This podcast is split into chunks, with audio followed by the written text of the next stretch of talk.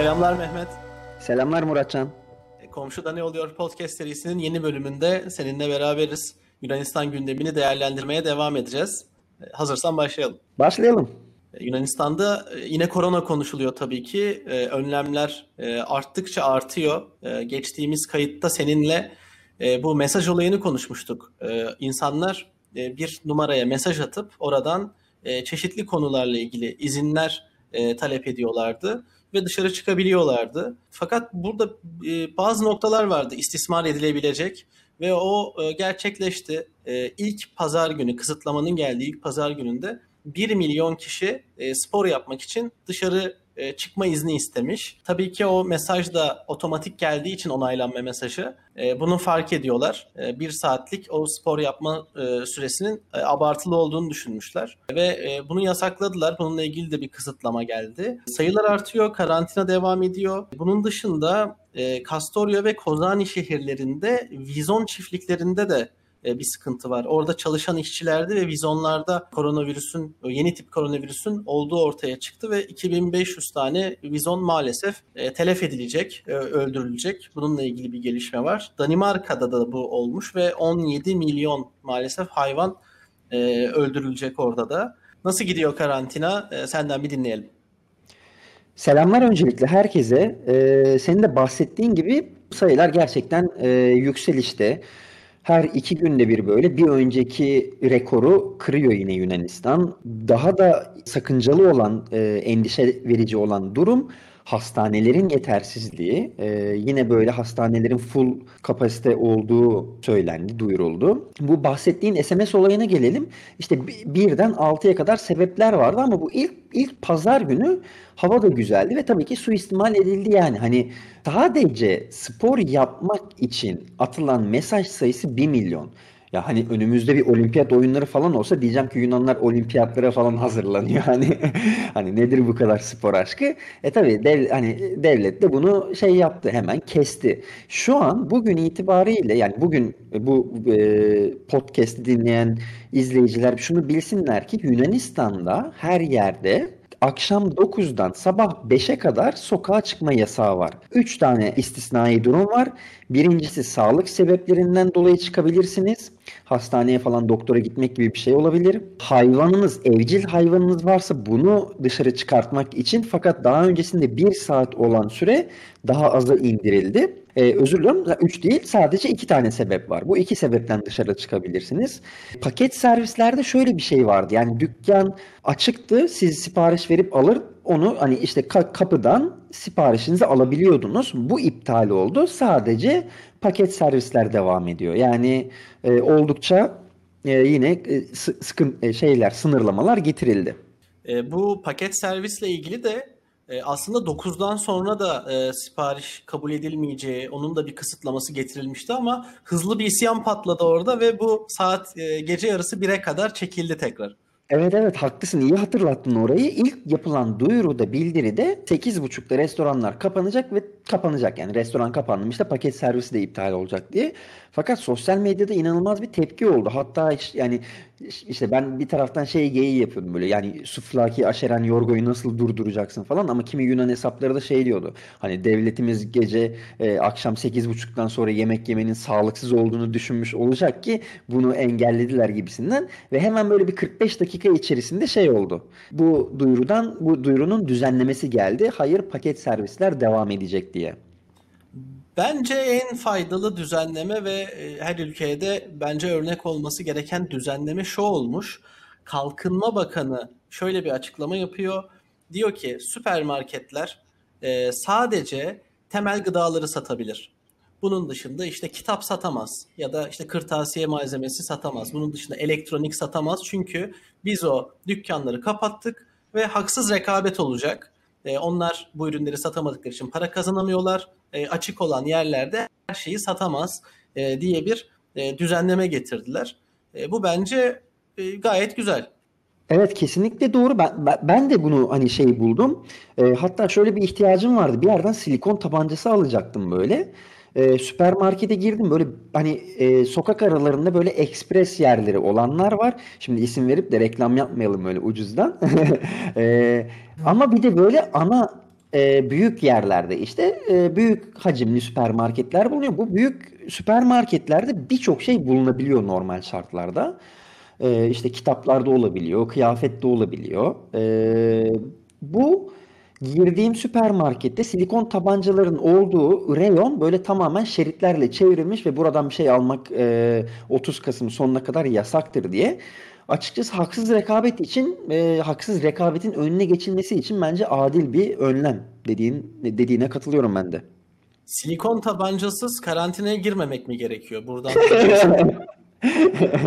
Ya benim şöyle bir yani çok spesifik bir ihtiyacım olmuştu bu Airbnb evlerinden bir bir durum yap bir, bir şey bir işlem yapmam gerekiyordu. Yani silikon tabancası e, tabii olsun niye olmasın ne bileyim. E, Marka adı vermediğinde iyi oldu. Bizi dinleyen milyonları belki de o, olumsuz yönlendirebilirdin. E, iyi, iyi düşündün onu. E, Miçotakis diyor ki bu koronadan e, öncelikle yay, koronanın yayılmasından öncelikle sorumlu olan barlarda takılan gençlerdir diyor. Ya bu gençler size ne etti diyeceğim böyle. Ne etti bu gençler size? Ya hmm, evet bu biraz tepki topladı yani hani ya herkes genç oldu. Mitsotakis'in kendisi de genç oldu. Yani onlarla o yaştaki insanlarla böyle çok inatlaşarak bir şey yapılacağını bir yere varılacağını sanmıyorum. Tabii ki hani işte yasaları getireceksin, uygulamaları getireceksin. Barlar açıksa illaki birileri suistimal edecek. Bunun genci yaşlısı falan yok. Ve biraz bence şey yapmış ya. Çok adil bir açıklama olmamış. Belki de gençliğinde pek onları yaşayamadığı için böyle bir kıskanıyor mu böyle bir kindar bir e, şeyi var, söylemi var. Sürekli çünkü orada. Sen de mesela geçtiğimiz e, kayıtlarda hep şunu söylüyordun. Ya, kiliseler açık, toplu ibadetler yapılıyor. E, hiç e, onunla ilgili bir yorumu yok. Olumsuz etkilediğine dair bir e, mesajı yok. Sürekli gece kulüpleri, kafeler ve bunların e, kısıtlanması ile ilgili de böyle e, açıklamaları var. Aynen bugün bir tane Twitter'da okudum. Ee, bir Atina'da bir e, kilisenin e, papazı mı işte bir metropolitanın bişopu mu şey demiş işte Christmas döneminde e, Noel döneminde e, kiliseler açık olmalı ve ibadeti ibadetleri devam ettirebilmeli. Hani bununla ilgili bir açıklama yapmayacaksın sen başbakan olarak. E ama e, tabii ki yapamayacak. Hani onu da anlıyorum. Çünkü hani büyük bir oy şeyi de var oradan. Yani e, Mitsotakis e, Yeni Demokrasi Partisi daha sağ görüşlü bir parti, daha konservatif bir parti ve kiliseden de besleniyor tabii ki yani oy anlamında. Tabii ki onlara bir şey demeyecek. Bazı açıklamaları Mitsotakis'in şeye benziyor. Ee, şeye Berlusconi'ye.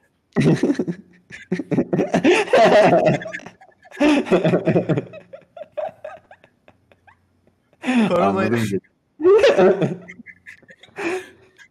Ko- Nereye laf çak? Nereye laf gönderdin böyle? Herkes birbirinden laf gönderdi. Korona ile ilgili eklemek istediğin bir şey var mı? Yoksa devam edelim. Devam edelim. Korona keyifli bir Yaz. konu değil. Evet, ay sonuna kadar da kısıtlamalar devam edecek. Ee, Evet. artık ya daha artacak bir durumu yok şu anda. Yani kısıtlama daha da bir kısıtlama olacak bir durum yok. Hayır daha da kısıtlama olacak. Aynen yani daha ne kapatılabilir diye düşünüyorum mesela. Bu geçtiğimiz haftaya kadar e, şeyler açıktı. İlkokullar, e, yuvalar, anaokulları ve özel eğitimli e, okullar açıktı. Şimdi bunlar da kapatıldı. E, ilkokullar da kapatıldı. Yani daha doğrusu e, uzaktan eğitime geçtiler. Evden eğitime geçtiler. E, yuvalar yuvalar da kapatıldı. Sadece özel eğitime ihtiyaç duyulan okullar açık. Hani bunun bir ötesi neresi kapatılabilir bilmiyorum. Yani çok da bir yer kalmadı. Ay sonunu Anladım. bekleyeceğiz. Ay sonunda rakamlara bakılarak e, gerekli e, tedbirler alınacak mı yoksa normalleşme başlayacak mı göreceğiz. E, şeye geçmek istiyorum. 14-17 Kasım olayları. Yani aslında 17 Kasım burada biraz daha sembolik bir gün. E, 1967 yılında e, 14 Kasım'da e, Albaylar e, Cuntası'na karşı e, üniversite öğrencileri e, Atina Teknik Üniversitesi'ni işgal ediyorlar ve bir halk hareketi başlatıyorlar orada. E, bu hareket e, 17 Kasım'da e, maalesef 39 e, öğrencinin e, ölümüyle de sonuçlanıyor. Burada bazı kaynaklar öğrenciler hani 83 kişinin e, 83 öğrencinin öldüğünü e, söylüyor. E, bu e, durumun da yıl dönümü bu hafta ve öğrenciler e, yine her yıl olduğu gibi e, üniversitede toplanıp e, Amerikan e, konsolosluğuna e, yürüyüşlerini yapmak istiyorlar. Fakat korona önlemleri sebebiyle bu şu anda yasak. Ve dün de bazı olaylar oldu ve gözaltılar e, söz konusu oldu. E, bununla ilgili neler söylemek istersin, neler yaşanıyordu? Şöyle bu her iki ülkenin böyle ortaklarından hani böyle çok benziyoruz diyoruz ya işte bu da benzeyen konulardan bir tanesi. Bu biraz daha tabii şey de olabilir, e, tesadüfi de olabilir. 67-73 yıllarında Yunanistan'da böyle junta e, dönemi oluyor işte ask askeri juntanın hakimiyeti oluyor. Senin de bahsettiğin gibi işte böyle öğrencilerin üniversite içerisinde toplanmaları e, toplanıyorlar. E, et, üniversitenin etrafını da tanklarla işte askerler çeviriyor. E, öğrenciler diyor ki bize yarım saat zaman verin biz e, terk edeceğiz üniversiteyi. E, fakat aski, asker diyor ki hayır biz sadece 15 dakika izin veriyoruz. Fakat 10 dakika bile geçmeden böyle işte üniversitenin e, kapısını tanklarla kırarak böyle öğrencilerin bulduğu bahçeye giriyorlar. Böyle dediğin gibi işte resmi kaynaklarda 34 ama aslında daha da fazla olduğu söyleniyor. 39. Ve, 39 ve her yıl 17 Kasım'da e, üniversitenin Politeknik Üniversitesi'nin etrafında e, e, üniversitesinde toplanıp e, daha sonrasında da işte üniversite caddesi, e, parlamento binası ve oradan da devam ederek Amerikan Büyükelçiliğine gidiliyor. Böyle bir e, sembolik yürüyüş e, protesto gerçekleşiyor. Bu yıl e, bu bu bu, yani dev, hükümet hiçbir zaman hiçbir hükümet hiçbir devlet e, şey yapmıyor bu yürüyüş falan engellemiyor. Bu sene de böyle engellenmedi. Sadece bu yürüyüşün yapılmasına engel olacak bir bir e, istisnai bir durum var. Bu da korona süreci ve sosyal mesafe, sokağa çıkma yasakları. E, fakat diğer taraftan sol taraf yürüyüşün yapılmasını istiyor. Hatta böyle e, geçen bölümlerde de konuştuğumuz işte Varoufakis hatta 25. gün diye kurmuş olduğu parti hani siz ne yaparsanız yapın bu yürüyüş gerçekleşecek diye böyle Mitsotakis'e biraz da böyle ultimatom veriyor. Fakat e, dün hatta benim evim de Politekniğe çok yakın bir kalabalık gördüm. Yolu falan kapatmışlar. İşte öğrencilerin orada 17 Kasım için hazırlıkları bulunurken polis içeriye giriyor ve bütün öğrencileri falan gözaltına alınıyor. Hani şöyle de bir, bir tezatlık var yani hani sosyal mesafe deniliyor ama öğrencileri böyle cümbur cemaat işte polis falan da alıyor. Bu, bu noktada polise de biraz şey e, yani polis olunca geçmiyor mu yani hani koronavirüsü? Böyle bir durum var. Bilmiyorum ne olacak yani 17 Kasım'da e, bakacağız. Şu an için yürüyüşün yapılmaması için korona önlemleri ön sürülüyor. Ama karşı taraf ise hayır biz mesafeli olarak da bu yürüyüşü yapabiliriz. Çünkü e, bu senenin e, pandeminin ilk döneminde yani bu ilk dalgada ilk dalga döneminde 1 Mayıs yaşanmıştı ve 1 Mayıs'ta e, böyle internetten bakılabilir e, görsellere parlamento binasının önünde Sindagma Meydanı'nda PAME, Part, e, PAME Sendikası'nın ya da KUK, e, Komünist Partisi'nin e, mesafeli olarak sosyal mesafeye uyarak gerçekleştirmiş olduğu bir e, gösteri bulunuyordu. Hani biz bunun aynısını yapabiliriz e, deniliyor ama buna müsaade edileceğini sanmıyorum ben. Hani yine ufaktan bir çatışma olacak maalesef. E, maalesef biraz e, ben Türkiye'den siyasi görüyorum bunu. E, sen de aynı fikirde olacak mısın? Çünkü böyle düşünmeme sebep olan şey şu. E, bu olaydan sonra yani 1973'te yaşanan 17 Kasım'da yaşanan olaydan sonra polisler asla üniversitelerin içine girmediler. Böyle bir yasa vardı. Kesinlikle e, üniversitelerin içine polisler girmiyordu. Fakat Miçotakis hükümeti e, geçtiğimiz yıl e, bu yasağı kaldırdı. Artık polisler e, herhangi bir güvenlikle ilgili bir endişe duyduklarında üniversitelere girebilecekler. Bu e, güvenlik dolayısıyla endişe de son derece göreceli. Yani istediği gibi bahane uydurup girebilir aslında. Bu yasak ortadan kalktı. Biraz da buna tepki var sanırım bu seneki yürüyüşü yapma e, isteğinde. Yani Mitsotakis'in göreve geldiğinde ilk başta yaptığı şeylerden bir tanesi buydu. İşte hemen böyle güvenliği bahane etti. Yok üniversitenin içerisinde, üniversitelerin içerisinde işte uyuşturucu satışı oluyor. İşte kaçaklar giriyor. E, e, yasal olmayan kişiler giriyor. E, ve hani bunu şey üniversite yönetimleriyle işbirliği yaparak yapacağız bu şekilde. İşte onların e, talebi olması durumunda biz girebiliriz ya da işte böyle bir güvenlik açığı olduğunda ve yani hani ülkeye geldiğinde en büyük ülkenin en büyük sorunu güvenlik sorunu değildi yani hani e, ekonomik sorundu. Bununla paralel olarak hemen bu yasayı da o arada geçirdi böyle e, Mitsotakis. Ve şu an maalesef böyle istisnai durumlarda üniversitelerin içerisinde güvenliklerin e, kolluk kuvvetlerinin girmesi söz konusu. Umarım önümüzdeki hafta bunu konuşmayız. Tatlı tatlı çözülür bu mevzu ama e, pek öyle gözükmüyor. 17 Kasım'da e, bir e, hareketlenme bekleniyor sokaklarda e, özellikle Atina'da. Biraz sorulara geçmek istiyorum. Sürekli e, aslında aynı soru geliyor. Bilmiyorum sen bununla ilgili e, blog'a daha önce bir şey yazmış mıydın? Oradan bir kaynak var mı? Görebilirler mi? Ama e, herhalde kurun yükselmesi ve e, ülkeye dair e, genç arkadaşların ümitlerini biraz kaybediyor olmalarından e, mütevellit. Sana en çok sorulan soru orada iş bulabilme imkanı. Dolayısıyla e, burada takip edebilecekleri hani özel bir site var mı? iş ilanlarını görebilecekleri bir yer var mı? Hem bunu çok soruyorlar hem de şeyi soruyorlar. Yani çalışabilir miyiz orada? İkinci soruya ben bir ufak e, aslında e, cevap vermek istiyorum. Sen de teyit edersin bu fikrin doğru olup olmadığını. E, bence işini doğru yapan insanlar her yerde çalışabilirler. E, bununla ilgili bir e, özgüven kaybının bence olmaması gerekiyor. E, Birçok yerde e, işini yapan insanlardan daha iyi yapabilen e, insanların olduğunu görüyorum ben Türkiye'de. Sadece bazı gereklilikler oluyor. Bunların da başında tabii ki Yunanca bilmek geliyor. Yunanca bilmeyle ilgili de temel eğitimle alakalı olarak sen şeyi söylemiştin. Hani Şişmanoğlu'na gidip bir kursa girebilirler ve burada bir başlangıç olabilir. E, temeli buradan alabilirler ve sonra devam edebilirler. Çünkü eğer bir şey satılacaksa yani halka hitap edecekse e, Yunanca'nın bilinmesi gerekiyor. Çünkü resmi dil orada Yunanca. E, bunun dışında bir yazılım şirketinde eğer e, çalışmak istiyorlarsa kişiler evet orada tabii ki e, Yunanca e, çoğu yerde çok gerekmiyor. E, bir de şeyler var. E, teleperformans gibi şirketler var. Yani bu şirketlerde de e, Türkçe bilmek gerekiyor e, ve İngilizce bilmek gerekiyor. Hatta bu şirket e, sizi Yunanca kursuna da gönderiyor. Buradaki oryantasyonu daha hızlı sağlamaları e, açısından.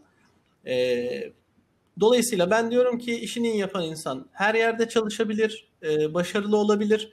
E, bununla ilgili de bağlantıları nerede kurabilirler? Sen ne düşünüyorsun ve takip edebilecekleri bir site var mı?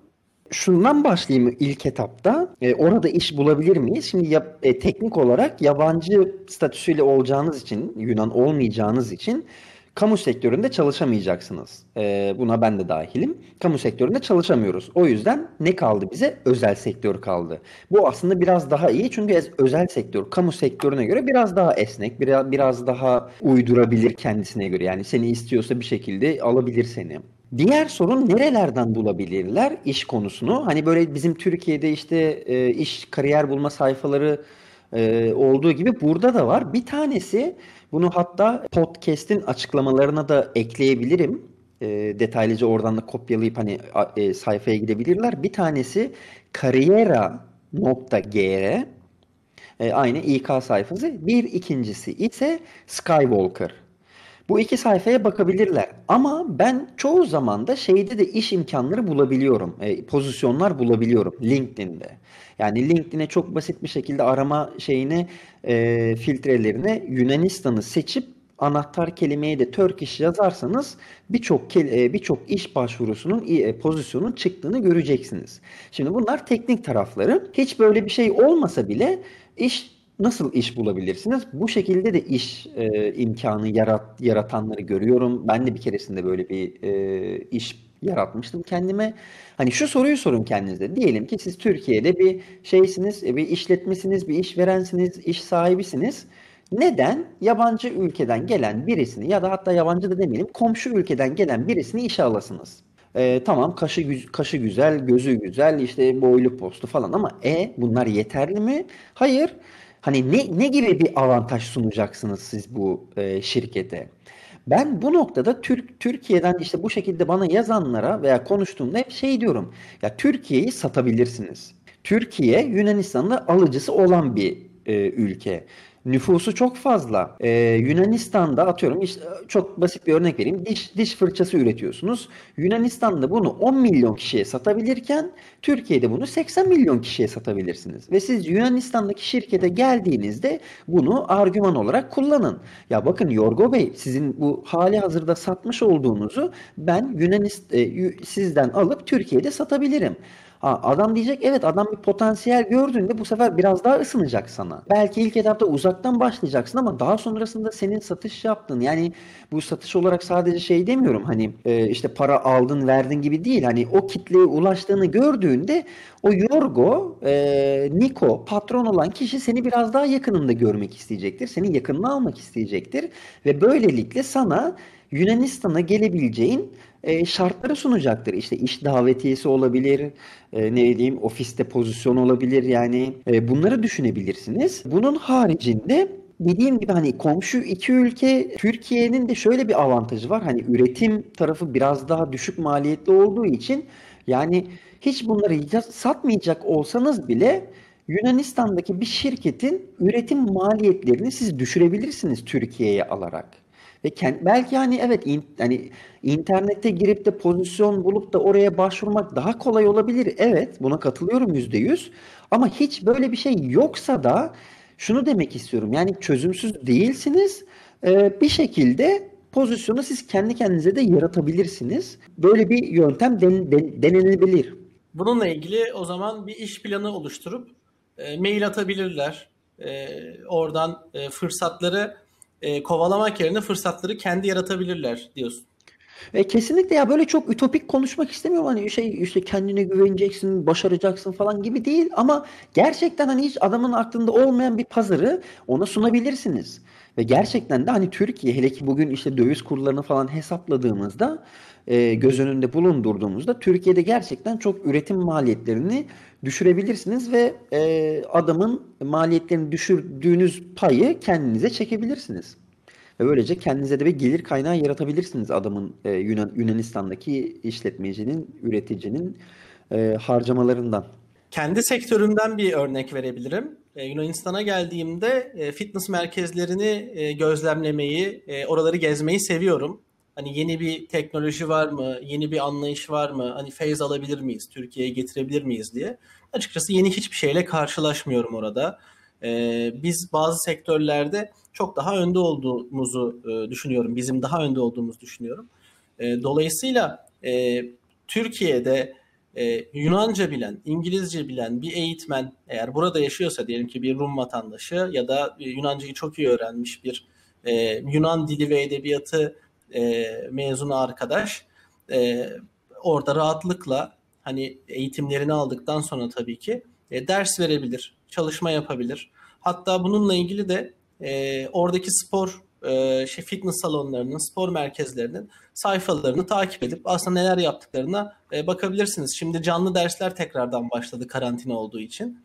Açıkçası yani çekim kaliteleri ve arkadaki şeyler, alet ekipmanları gördükçe de aradaki farkı çok net anlayabiliyoruz. Dolayısıyla ben kendimize güvenirsek rahatlıkla her yerde çalışabileceğimizi e, ve hayalini kurduğumuz o hayat neyse onu yaşayabileceğimizi düşünüyorum. E, bununla bağlantılı olarak da bir arkadaşımız sana şeyi sormuş. Sen de Yunanistan'da Selanik'te e, Erasmus yapmış birisisin. Bahar döneminde Atina'da Erasmus yapmayı düşünenler için genel tavsiyeler verir misin demiş. Öncelikle çok iyimser bir arkadaş. Bahar döneminde Yunanistan'da Erasmus yapabileceğini düşünüyor. Yani sorunlar bitiş, sıkıntılar bitecek diyor. Aşı bulundu diyor. Ee, ve senden birkaç tavsiye istemiş. Ya çok çok şanssızlık değil mi ya? Yani hani 4 yıllık bir eğitim kariyerim var. Bunun bir bir 4 yılın bir yılında bir, bir şansın olabilecek. Ee, Birçok bir kişiyle yarışacaksın böyle işte puanlarınla belki İngilizce seviye sınırı varsa kazanacaksın fakat korona gibi bir döneme denk geleceksin ve Erasmus'a gidemeyeceksin. Ee, fakat diyelim ki gelebilecekler bahar dönemi yani Erasmus bence her zaman güzel bir şey olacaktır e, daha da güzel olabilmesi için işte çeşitli kriterler olabilir. Bahar döneminde bunlardan bir tanesi hele ki Yunanistan'sa. Çünkü Ee, bahar dönemi işte bahar dönemi dediğimiz böyle Şubat ayında başlayan bir dönem zannedersem eğitim döneminde. Ve hani işte Mart döneminde de Yunanistan'ın böyle şeyi açılır. Yaz e, turizm sezonu falan açılır böyle Mart sonu Nisan başı gibi. O yüzden çok güzel üniversitelerin çok güzel öğrenci paketleri bulunuyor böyle. Ee, ya yalnız Erasmus soruldu bana. Eğitimden bahsetmem gerekiyor. Ben direkt tatilden böyle turizmden falan bahsediyorum. Buradan da Erasmus'umun nasıl geçtiğini anlayabilirsiniz. en ufak bir okula gitme yok. Ee, ya bence hiç hiç şeye gerek yok. Hiç yani eğer ki açılacaksa e, Erasmus'a gidilebilecekse hiç tereddüt etmesin öğrenci kardeşlerimiz. Direkt gözü kapalı gidebilirler. Olabildiğince az uyumalarını, çok yaşamalarını, doya doya zaman geçirmelerini e, tavsiye ediyorsun herhalde. Kesinlikle ya eğitim her zaman elde edilebilir. Eğitim sadece dört duvar değil ki.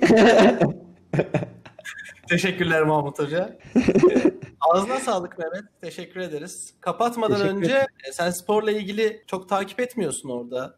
E, ama Anadolu Efes 14 sene sonra OAKA'da kazandı. Panathinaikos'u yendi. Öyle bir şey vardı. Onlar sanki bir Euroleague derbisi gibi oynuyorlardı. Böyle bir mazileri de var. Ve Panathinaikos kaybetmiyordu Efes'e. Bu sene 14 sene sonra ilk kez kaybetti. Tabii burada seyircisiz oynanmasının da e, payı çok büyük. Orada çünkü korkunç bir atmosfer oluyordu. Bu arada sana hani son olarak şeyi de sorayım. Spor müsabakaları için e, oraya gelmek isteyenler oluyor muydu e, koronadan önce, kısıtlamalardan önce? Böyle paketler oluyor muydu o deplasman e, şeylerine, organizasyonlarına? Tabii tabii. Yani hatta yabancı şey yabancı taraftarlar biletleri e, normal gişeden falan alamıyorlar. E, şeylerden alabiliyor, kulüplerden alabiliyor. Fakat ben Türkiye'den gelen e, spor sever arkadaşlarımız için onların buradaki destek ayağı oluyordum ve hani kimi zaman e, bilet aldığım e, durumlarda olmuştu. Çok ilgi vardı tabii ki ya. Yani hani spor bahanesiyle işte bir de tatil de yapalım. İşte bir hafta sonu kaçamak yapalım, gezelim. Atina zaten bir saatlik yolculuk. E, öyle çok gelen vardı. Hı. Ben hep gör- görürdüm yani her e, spor müsabakasında. Ağırlıklı olarak işte her sene olan e, Euroleague oluyordu. Çünkü Şampiyonlar Ligi ya Türkiye'den takımlar gelemiyordu ya da Yunanistan'dan çok denkleşme olmuyordu. Ama e, ağırlıklı olarak basketbol oluyordu ama geliyorlar kesinlikle. Şahane. E, bir sorusu olan, isteği olanlar da sana her zaman ulaşabilirler. Ağzına Kesinlikle. sağlık. Teşekkür ederim. Ben Önümüzdeki teşekkür hafta ederim. tekrar önümüzdeki hafta tekrar görüşmek üzere diyorum. Hoşça kal. Ben teşekkür ederim. İyi, umarım keyifli olmuştur. E, dinleyenler keyif almışlardır. Yeni bölümlerde görüşmek üzere.